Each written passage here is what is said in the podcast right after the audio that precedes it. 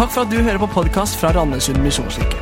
Denne talen er spilt inn på en av våre gudstjenester på søndager klokken 11. Vi håper det du hører, kan være til oppmuntring i hverdagen, og du er hjertelig velkommen til å ta del i vår menighet. Gå inn på mkirken.no eller Randesund misjonskirke på Facebook for mer info. Vi har en utrolig flott stab i denne menigheten her. Her ser dere hele gjengen. Det er vi veldig glade og veldig takknemlige for. Og vi gleder oss nå for at Hanna blir en del av denne staben. Og vi har eh, store forventninger til henne. Og det blir spennende å se henne i tjeneste. Og neste søndag så skal hun forkynne her på gudstjenesten. Eh, og vi er spent på hva Gud har lagt på hennes hjerte for vår menighet. Eh, og Da betyr det at du må komme tilbake, ikke sant? sånn at du også får høre Hanna til, til neste søndag. Så er det sånn at I staben så har vi hver tirsdag så har vi et stabsmøte. Det varer gjerne i to timer. Og Som regel så er det et møte som jeg gleder meg til. Fordi det er positivitet, og det er god energi, og det er lave skuldre. og Vi snakker om det som vi er opptatt av, som har med menigheten å gjøre. Men sånn ca. for et år siden så var jeg liksom ikke helt der. Jeg hadde stått opp grytidlig den morgenen fordi eh, Malene, dattera vår, hun studerer i Bergen, og hun skulle ta et sånn fakirfly til, til Bergen. Eh, og jeg måtte opp midt på natta, følte jeg. Og så kom jeg på stabsmøtet, som da starta sånn eh, halv ti. Og så kjente jeg at jeg bare var så trøtt og så gretten at jeg kjente at det var en helt annen energi jeg bar med meg inn i det stabsmøtet enn sånn, eh, i hvert fall jeg tenker at jeg pleier å være.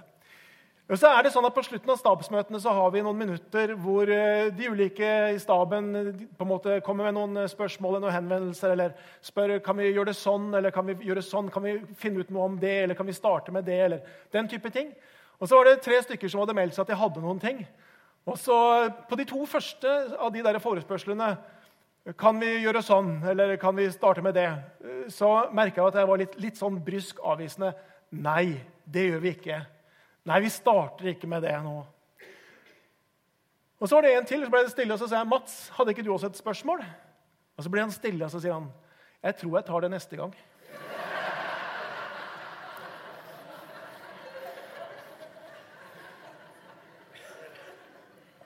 Jeg skjønner hva han mente. Det ble jo... Han hadde nok håpa at det skulle bli litt enklere for et ja neste gang. og det kan godt hende, for jeg var sjelden gretten den dagen der.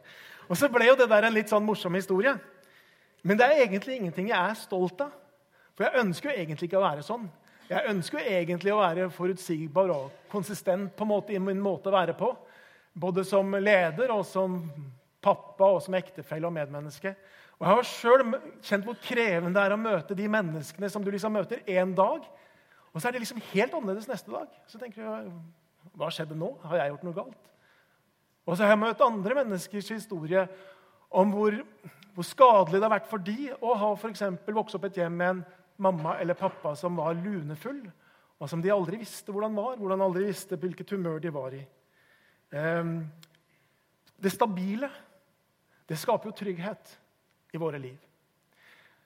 I dag skal vi snakke litt om det. og Vi lever i en verden hvor veldig mange ting endrer seg.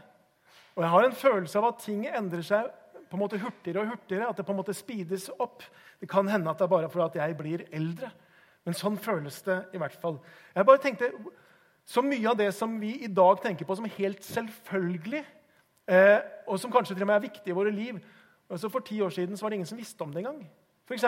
iPhone. Den første iPhone ble lansert i 2007. Instagram i 2010. Og De første Teslaene ble levert i Norge i august 2013. Og så tenker vi Dette er jo på en måte helt selvfølgelig, og for noen av oss så preger det noen av våre liv. Og så visste vi ikke om hva det het engang for knapt ti år siden. Ting forandrer seg fort. Når jeg vokste opp, så kan jeg huske veldig godt hvordan man snakka i Norge om hva skal vi leve av når oljen tar slutt. Og så For noen år siden så ble spørsmålet annerledes. og det var sånn, Hva skal vi gjøre når oljen blir verdiløs? Når ingen vil kjøpe den lenger? Og så er det plutselig en helt annet perspektiv, et helt annet eh, spørsmål.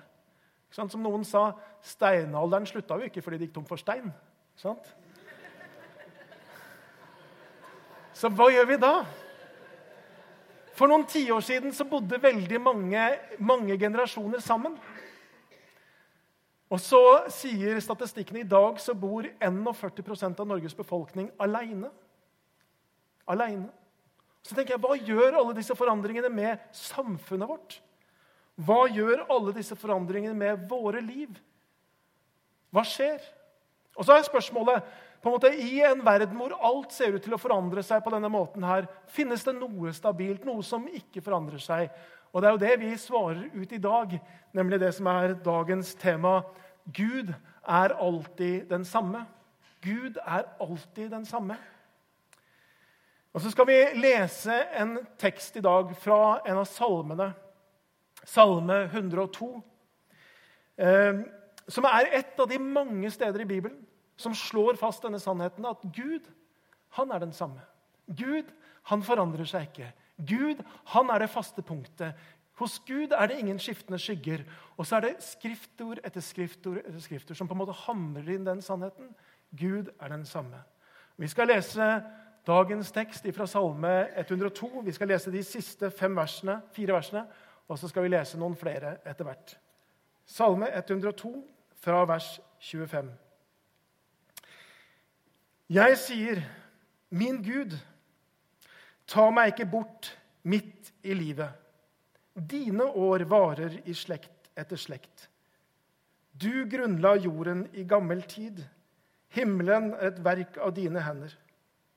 De skal gå til grunne, men du består. De skal slites ut som klær. Du skifter dem ut, og de er borte. Men du er den samme. Dine år tar aldri slutt. Dine tjeneres barn skal slå seg til ro. Deres ett skal være grunnfastet for ditt ansikt. La oss be. Himmelske Far, jeg takker deg for at denne sannheten som vi samler oss om i dag, at du er den samme, at vi kan vi få lov til å hvile i, Herre. Og så ber jeg for oss som sitter her, jeg ber at du må vise oss hva det betyr inn i våre liv, der vi er. Amen. Ut fra denne salmen her, 102, så har jeg lyst til å peke på tre punkter under denne temaen 'Gud er den samme'. Det ene det er at jeg tror den sier noe om at mennesket trenger noe som er fast i ens liv. Jeg har lyst til å si noe om hva det betyr at Gud er den samme. Og så har jeg lyst til å si noe om hva det gjør med meg at Gud er den samme. Det første jeg vil si, det er altså dette at jeg tror mennesket trenger i livet noe som er fast. Det fortelles en historie om den amerikanske forfatteren Lloyd Douglas. Mens han gikk på universitetet i USA, så delte han gang der han bodde med en pensjonert eh, professor som var handikappet og som satt i rullestol. Og Hver gang når Lloyd skulle da på på forelesning så banker han på døra, stikker hodet inn og så sier han til denne professoren som sitter der i rullestol, 'Hva er dagens gode nyheter?' Og Så gjorde denne professoren nøyaktig det samme hver eneste dag. Han hadde en stemmegaffel i hånda. og Så slo han den mot metallet på rullestolen sin og så holdt han opp mot øret. Og Så sa han følgende.: Piano oppe i leiligheten er ustemt. Gitaristen i leiligheten treffer knapt en tone, men så sier han, 'Men dette er en A'. Det var det i går, og det er det i dag, og det kommer til å være en A i morgen. Hva er det han peker på? Jo, jeg tror han sier noe om at alle så trenger vi noe i vårt liv som er fast, som er stabilt, som ikke forandrer seg. Selv om veldig mye annet og sikkert også denne professorens liv hadde forandra seg, så hadde han noe, et fast punkt. Som mennesker kan vi gjerne si at vi liker variasjon, vi liker forandring, vi elsker endring. Og det gjør vi i større og mindre grad.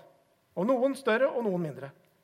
Men jeg tror realiteten er at vi alle sammen, uansett, også de som liker forandring, så søker vi etter noe som er fast, noe som står der, noe som ikke rokkes, noe vi kan hvile vårt liv på og vår eksistens i.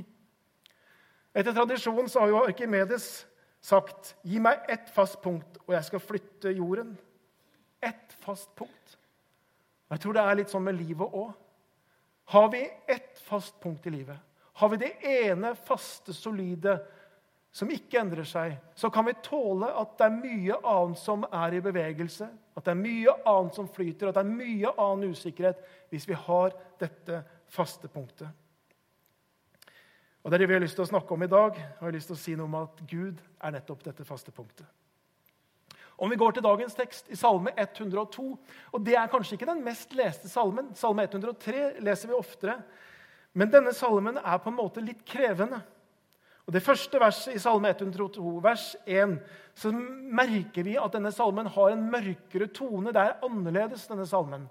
For der står det følgende En bønn for den hjelpeløse når han blir kraftløs og vil klage ut sin nød for Herren. Ja, tenk at det er en egen salme for akkurat det. Så når du kjenner at du er der, ja, så kan du gå til Salme 102. Og Når vi leser de første tolv versene av denne salmen, så skjønner vi at han som og vi vet ikke hvem det er, men salmisten her, at han virkelig har det vanskelig. Han har det ordentlig vondt på alle mulige slags måter. Og Vi skal lese noen stikkord fra de første tolv versene. For der står det følgende Skjul ikke ansiktet når jeg er i nød. For skyggene mine, for dagene mine svinner som røyk. Knoklene brenner som ild. Hjertet er som gress, solsvidd og vissent. Jeg sukker og stønner. Jeg er bare skinn og bein. Jeg ligger våken. Fienden spotter meg hele dagen. Jeg spiser aske som brød og blander drikken med tårer. Jeg visner bort som gress. Det var de første tolv versene av denne salmen. Kjapt oppsummert. Og så kan vi jo tenke liksom, det der det hørtes ikke bra ut.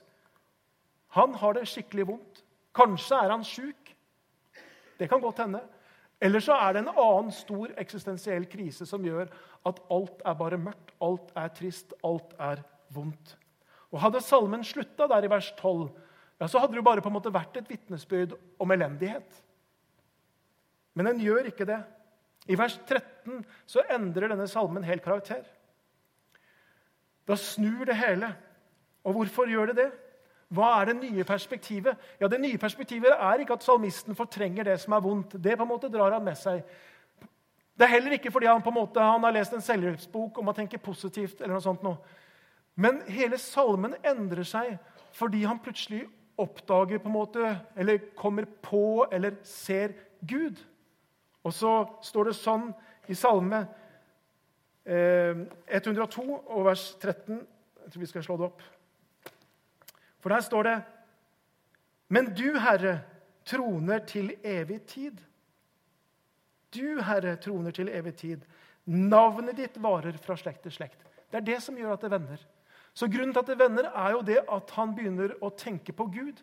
Han begynner å huske eller komme på eller bli minnet på hvordan Gud er. Og så snur hele hans livssituasjon.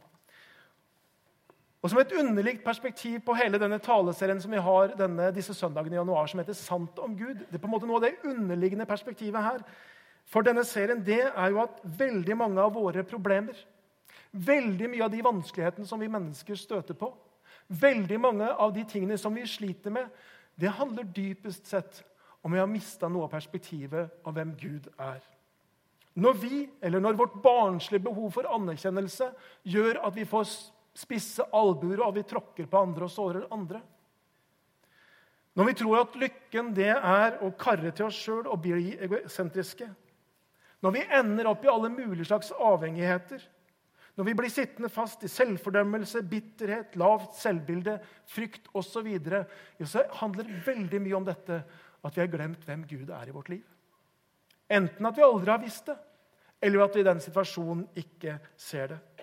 Så veien ut av veldig mange av våre problemer det er å gjøre akkurat sånn som salmisten gjør her, nemlig å, å bli minna på eller få det nye perspektivet på hvem Gud faktisk er. Jeg tror vi alle sammen trenger et fast punkt i vår tilværelse. Og dette faste punktet er dypest sett, og kan dypest sett ikke være noen annen enn Gud selv. Så hva betyr det at Gud er den samme? Hva betyr det? Og Vi skal gå til mitt andre punkt her. Hva betyr det at Gud er den samme? Jeg har lyst til å peke på tre ting som denne salmen viser oss. Det ene det er dette at Gud er evig. Ja, det var det som sto i denne teksten. men du er den samme. Dine år tar aldri slutt.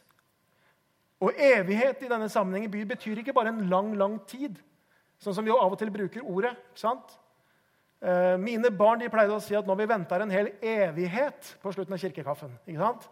Ja, Så var det nok lenge. Det var kanskje ikke en evighet.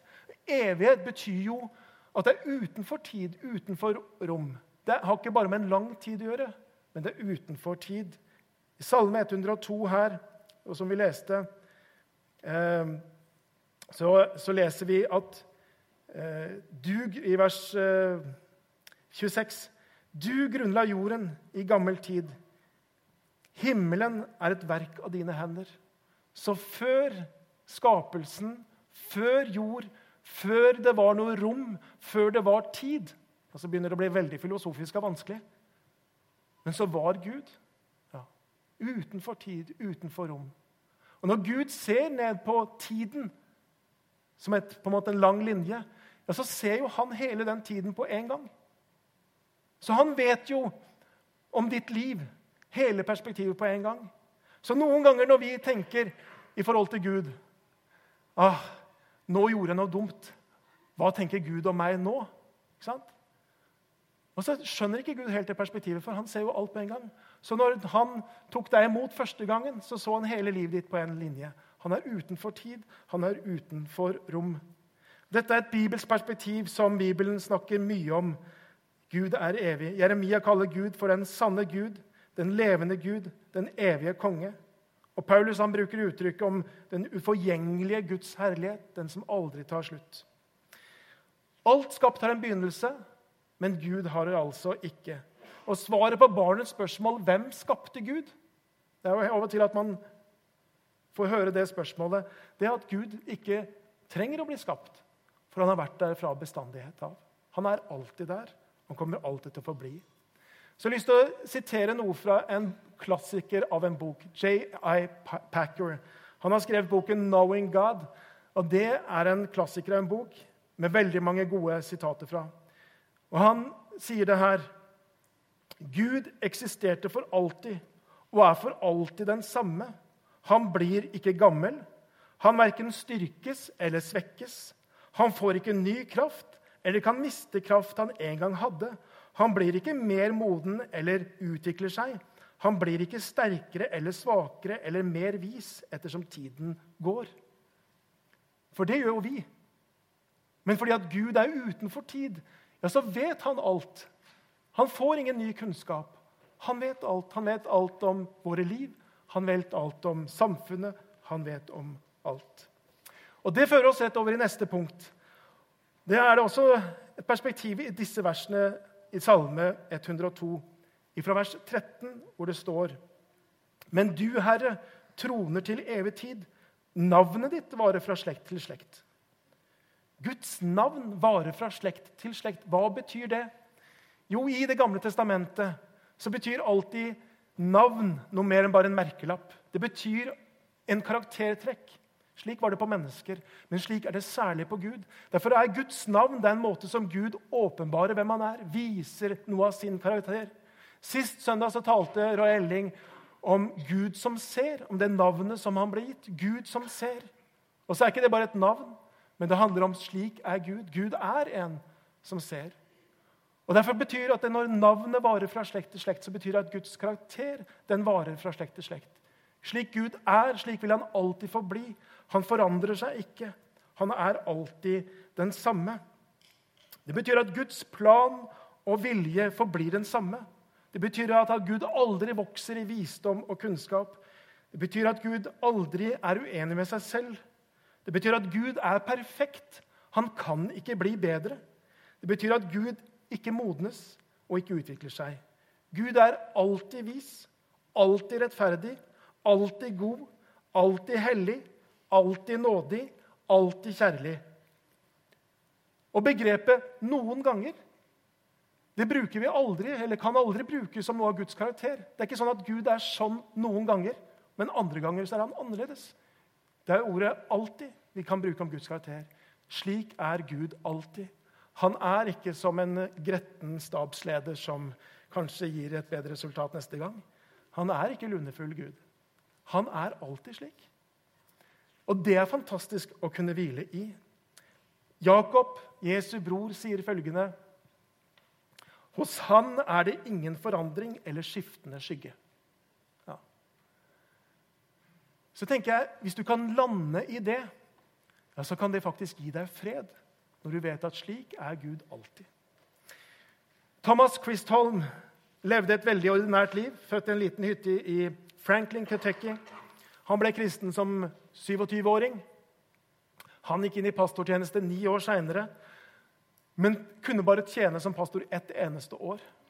Han var sjuk, og, og, helsen hans holdt ikke. Han måtte slutte. Han flyttet til, til New Jersey. Og så han, jobba han med forsikring resten av livet. Men mens han jobba som forsikring, så skrev han mer enn 1200 tekster, sanger, dikt. Og så sier han følgende Min inntekt på slutten av sitt liv Min inntekt har gjennom livet ikke vært høy, siden jeg har slitt med helsen helt fra jeg var ung til denne dag. Men jeg kan ikke la være å takke Gud for hans uendelige trofasthet. Gud har på så mange forunderlige måter vist sin omsorg for meg, som fyller meg med stor, stor takknemlighet. Og så tenker jeg han kunne ha blitt bitter. Ja. Han ønska så å være i tjeneste, og så var det ett år. Han kunne ha blitt bitter. Han kunne ha forkasta Gud. Han kunne ha sagt at 'jeg bryr meg ikke noe om det'. Istedenfor har han skrevet de fantastiske tekster om Guds trofasthet. Og En av de tekstene den synger vi av og til hos oss. Og Den lyder slik, og mange av dere kjenner den. Stor er din trofasthet, Herre og Fader. Skiftende skygge når aldri din sti. Du er den samme. Din miskunn er evig. Slik som du var, skal du alltid forbli. Stor er din trofasthet, stor er din trofasthet. Dag etter dag gav du nåde på ny. Himmelske hender gir alt jeg behøver. Trofaste Herre, hos deg har jeg ly. Hans liv det forandra seg. Det ble noe helt annet enn han drømte om. Og så var det allikevel dette hans faste punkt. Hos han er det ingen skiftende skygge. Det var det faste punktet i denne sangforfatterens liv. Det tredje som jeg skal bare nevne ganske kort, som en betydning av dette, det er også at Guds sannhet er alltid den samme. Guds ord er alltid den samme. Og Det står et forunderlig vers i denne salmen. I vers 19 så står det dette skal skrives ned for den kommende slekt. Et nyskapt folk skal prise Herren. Salmisten han hadde sett sannheten, og så sier han dette skal skrives ned. Dette skal skrives ned. Og for, Nettopp fordi at Gud er den samme, ja, så kan vi stole på denne boka her. Guds ord er det samme. Guds ord er det evige, gyldige, som aldri skal få gå. Gresset tørker bort, blomstene visner, men ordet fra vår Gud står fast for evig, sier Jesaja. Det står fast. Et sitat til av J.A. Packer. Han sier Bibelen er ikke en relikvie fra en forgangen tid, men evig gyldig åpenbaring av Guds vilje for hans folk i alle generasjoner, så lenge denne verden består. Som vår Herre selv har sagt, Skriften skal ikke settes ut av kraft. Ingenting kan annullere Guds evige sannheter. Noen ganger når jeg leser Guds ord, så skulle jeg ønske jeg kunne ha hatt sånn korrekturlakk og sletta noen ting. For noen ganger så utfordres jeg veldig. Helt til det ubehagelige. Og jeg kjenner det langt inn i hjerterota. Livet mitt speiles, og så ser jeg på en måte at her kommer jeg så sørgelig til kort. Her prioriterer jeg feil. Her skulle jeg gjort andre ting. Og allikevel På mange måter skulle det vært lett å ha et, fri, et fritt forhold til Bibelen og være plukka de tinga en ville. Men nettopp fordi det er sant, og fordi det er på en måte står fast, så betyr jo også det at jeg kan stole på det som står her av Guds løfter til meg. Jeg kan stole på det som står om Guds sannhet om meg. Jeg kan stole på at når Jesus ga sitt liv på korset, så gjelder det meg. Det kan jeg stole på, nettopp fordi at dette er evige sannheter. Han er den samme, sto det i denne salmen. Gud er den samme. Ja, Det betyr i hvert fall disse tingene. Så kunne vi ha lagt på flere ting. Men det betyr noe med at Gud han er utenfor tid. Det betyr at han, han forandrer seg ikke. Han får ikke ny informasjon. Det betyr eh, at hans karakter den er den samme. Han er ikke lunefull. Og det betyr at Guds ord at det kan jeg stole på. Gud er den samme. Og så er spørsmålet hva gjør det med meg da, i mitt liv? Hva gjør det med meg? For jeg tror faktisk at Hvis vi skjønner det, ja, så gjør det noe med vårt hverdagsliv. Det gjør noe med vår tro. Det gjør noe med hvordan vi lever. Hvis vi virkelig skjønner det. For det betyr Det er det siste jeg skal si noe om. Hva gjør det med meg at Gud er den samme? For det betyr at uansett hva jeg måtte gjøre, møte av forandring, uansett hva jeg måtte møte av utfordringer og usikkerhet, ja, så kan jeg hvile i det. Gud er den samme. Uansett hvordan vi måtte ha rota til livet, blemma oss ut på den ene eller på den andre måten, så kan jeg vite at Gud, Guds kjærlighet, den endrer seg ikke. Uansett om jeg er aldri så troløs, så kan jeg vite at Gud han er trofast. Ja, fordi at Min troløshet endres ikke Guds karakter. Den er evig. Han er trofast. Det betyr at Gud han tåler min klage. Han tåler min anklage. Les bare denne salmen her. Han bærer det. Han tåler det. Det endrer ikke hans holdning til meg. Når det er kaos i mitt hode og orkan i mitt følelsesliv, ja, så er Gud den samme. Om vi virkelig griper den sannheten, så kan vi falle til ro. Så kan vi hvile. Så kan vi på en måte senke skuldrene. Så kan vi puste ut. Og Bare se på det aller siste verset i denne salmen. Der denne salmen lander, der lyder det slik Dine tjeners barn skal slå seg til ro. Deres ett skal være grunnfestet for ditt ansikt, står det. Dine tjeners barn skal slå seg til ro. Ikke sant? Ja, det kan vi. Når Gud er slik, ja, da kan jeg slappe av. Da kan jeg slå meg til ro. Da kan jeg kjenne at jeg er trygg. Da kan jeg være grunnfestet. Noen ganger så skjer det noe i våre liv som gjør at hele vår eksistens rokkes. Og Kanskje har du erfart noe av det noen gang. For meg var det slik vinteren 2014, nei, 2004. Vinteren 2004. Jeg var pastor i Arendal. Hadde vært pastor der i sju-åtte år.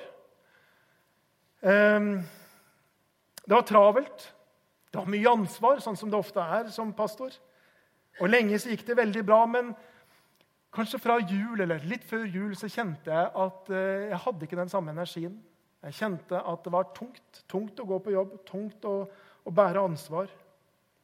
Da jeg før hadde gleda meg til å gå på kontoret, så kjente jeg utover den vinteren at eh, jeg blei fysisk kvalm av å skulle gå på kontoret. Jeg husker jeg satt lenger og lenger i bilen utenfor og venta. Liksom før jeg måtte ta meg sammen. Når jeg kom på kontoret, ja, så var det akkurat som det var tomt inni hodet, og jeg ble sittende og stirre ut i luften. Jeg hadde lite energi, eh, svak konsentrasjon, og så skjønte jeg noe om hva det handla om. Og så skjønte jeg at det går ikke bare over. Jeg må gjøre noe med det. Rett før påske, eller Uka før påske så snakka jeg med de to som hadde personalansvar i lederskapet, og sa at jeg er ikke helt i slaget. Jeg er ikke helt i form. Jeg tror jeg er egentlig ganske sliten. Og så, de, og så sa jeg også men jeg har ikke lyst til å sykemelde meg. Eh, Så var de veldig rause og så sa de at men eh, ta to uker eh, fri, og så slapper du litt av. Og så sa jeg ja, det er greit, men jeg må bli ferdig med påsken først. Så jeg hadde alle påskemøtene. Den andre påskedag så tenkte jeg nå skal jeg ha to uker hvor jeg ikke skal gjøre noe. Og så ble de to neste ukene som jeg skulle tenke var en sånn der opptur og avslapning og påkobling, og det hele, det ble en gedigen nedtur. For når jeg slapp på en måte tak i jobben, så var det som om jeg forsvant i noe svart og djupt ned et eller annet sted. Så ble det to uker til fire. Fire uker ble til seks. Og stadig så måtte jeg på en måte kansellere ting som lå foran meg. Og så hele tiden så tenkte jeg neste uke så er jeg på jobb igjen. Neste uke så er jeg i form igjen. Neste uke. Og så ble det ikke sånn. Det varte, det rakk. Sommeren kom, jeg var fortsatt ikke i form. Og så tenker jeg når høsten kommer, da. Og så kom august, og så var jeg fortsatt ikke i form i det hele tatt. Og så var det så tungt når eh, alle andre begynte på jobb, når uh, ungene begynte på skolen. Og jeg orka ikke noe i det hele tatt. Uh, da kjente jeg at jeg ga opp. Og så tenkte jeg jeg kommer aldri tilbake i tjeneste. Jeg kommer aldri tilbake kanskje i jobb. Og, for, og, Det der er jo på en måte tøft uansett. Men det er noe med den som pastor så har du på en måte lagt veldig mange av de der store byggeklossene i livet i samme kurv. Ikke sant? For du flytter til et sted for å være pastor. Du, du, på en måte kjøper bolig der, du tar med hele familien der. Du har venner der, du har jobben der, du har menighet. Så på en måte alt som handler om inntekt, bosted, eh, venner, menighet å gå i, kall, trosliv alle, Identitet, alle de der tinga ligger i samme kurv. Så da kjente jeg på en måte at det rakna veldig for meg. Det var en ordentlig eksistensiell krise. Det var som alt rakna. Og så var jeg veldig glad for at i denne perioden så hadde jeg en god familie og gode folk rundt meg. Men det som, det som bar meg gjennom de ukene der, det var jo at jeg fikk et annet perspektiv på hvem Gud var. Eller Gud er. Eh, og Jeg har kanskje aldri kjent Gud så nær som da. Veldig stille. Det var ikke de store ordene eller som jeg følte jeg fikk. Det var veldig stille, Men jeg kjente at han var der. Og jeg kjente at når jeg ikke fikk sove om natta, eller når jeg våkna, og det gjorde jeg ofte, ja, så kunne jeg på en måte falle til ro i bønn til Gud. Og så kunne jeg be. Etter hvert så klarte jeg å lese eh, noen kristne bøker. Og så kjente jeg hvordan måte, det, der, det, var det der faste punktet i mitt liv. Og så hørte jeg masse på lovsang, lovsangsmusikk. Og en av de sangene som jeg spilte om igjen og om igjen, og om igjen, det var en sang av Darlene Check. Hun sier noe i en sang om 'My soul, it's well with my soul'. og Det står et, noen linjer der på skjermen. 'You are the rock on which I stand. Your grace is well.' 'My hope is sure in Christ, my Savior.' It's well with my soul. På et eller annet forunderlig vis så kjente jeg at det, der, det var den klippen jeg bygde på. Og det der kunne Jeg synge, jeg merket at når jeg på en måte hørte på det, når jeg leste Guds ord, når jeg ba, så kjente jeg på en måte at, at det var fast grunn under føttene mine. Selv om det var mye i mitt liv som jeg følte var på en måte shaky, så var det fast grunn. Jesus var den der faste grunnen som jeg kunne stå på, og som var det der sikre punktet i mitt liv.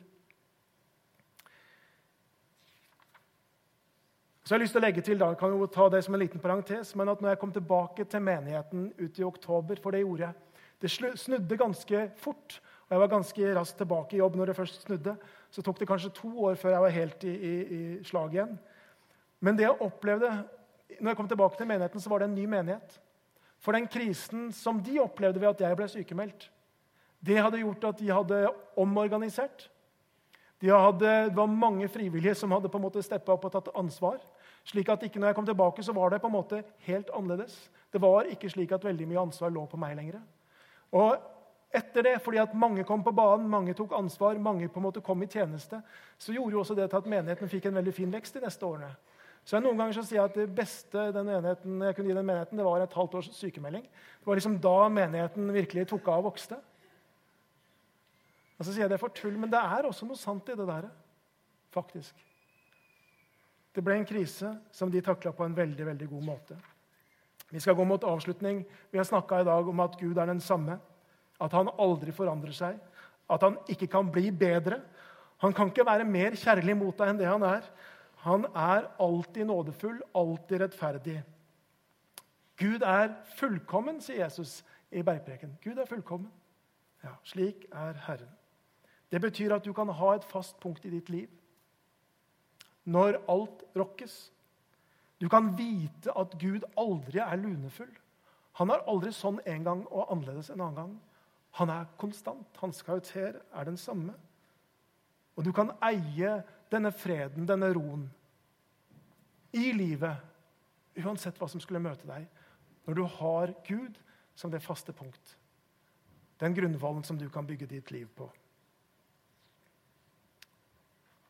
Vi skal be. Kjære Jesus Kristus, takk for at du, du, kjenner oss som er her. Du vet om våre liv. Du vet hva som er sikkert og trygt og fast. Og så ser du også om det er noen av våre liv Herre, som, som akkurat nå rokkes, Herre. Og så takker jeg deg for at uansett hvordan vi kjenner det, føler det, ja, så er du den samme. Du er klippen. Du er klippen vi kan få lov til å stå på. Du er fast grunn under føttene. Du er det faste punktet, Jesus, som, som gjør at, eh, at alt annet det kan være i spill. Men du er det ikke, Herre. Jeg har bare lyst til å be at du skal betjene oss som er her, Herre, i formiddag. Må du komme nær oss, må du møte oss. Må du gjøre ditt verk i oss, Herre. Jeg ber om det i ditt navn. Amen.